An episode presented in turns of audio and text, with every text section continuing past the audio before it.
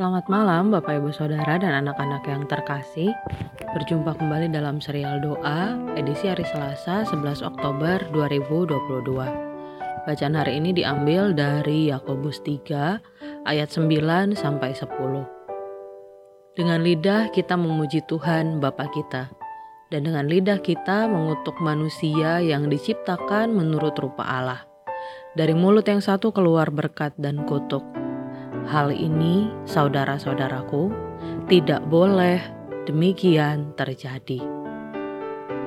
Saudaraku yang terkasih, mungkin di antara kita banyak yang pernah mengalami momen di mana kita rajin beribadah di gereja, kita aktif melayani, tetapi ketika pulang ke rumah, kita tak mampu memendam emosi, kita tak mampu mengontrol diri, dan berbuat baik kepada keluarga kita sendiri. Tentu itu hal yang harus sangat dihindari oleh setiap anak-anak Tuhan. Karena kehidupan di gereja justru menjadi inspirasi untuk membangun kehidupan di rumah. Kehidupan di rumah yang baik, yang harmonis juga semestinya menjadi energi untuk melayani di gereja.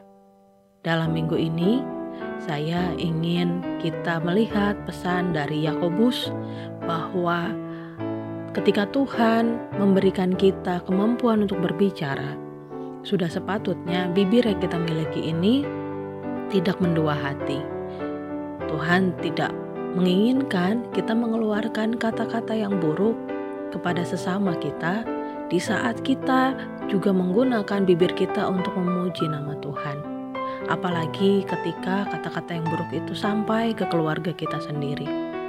Tuhan berharap bibir yang Ia karuniakan kepada kita, kita pakai untuk mengasihi Tuhan sekaligus mengasihi keluarga kita.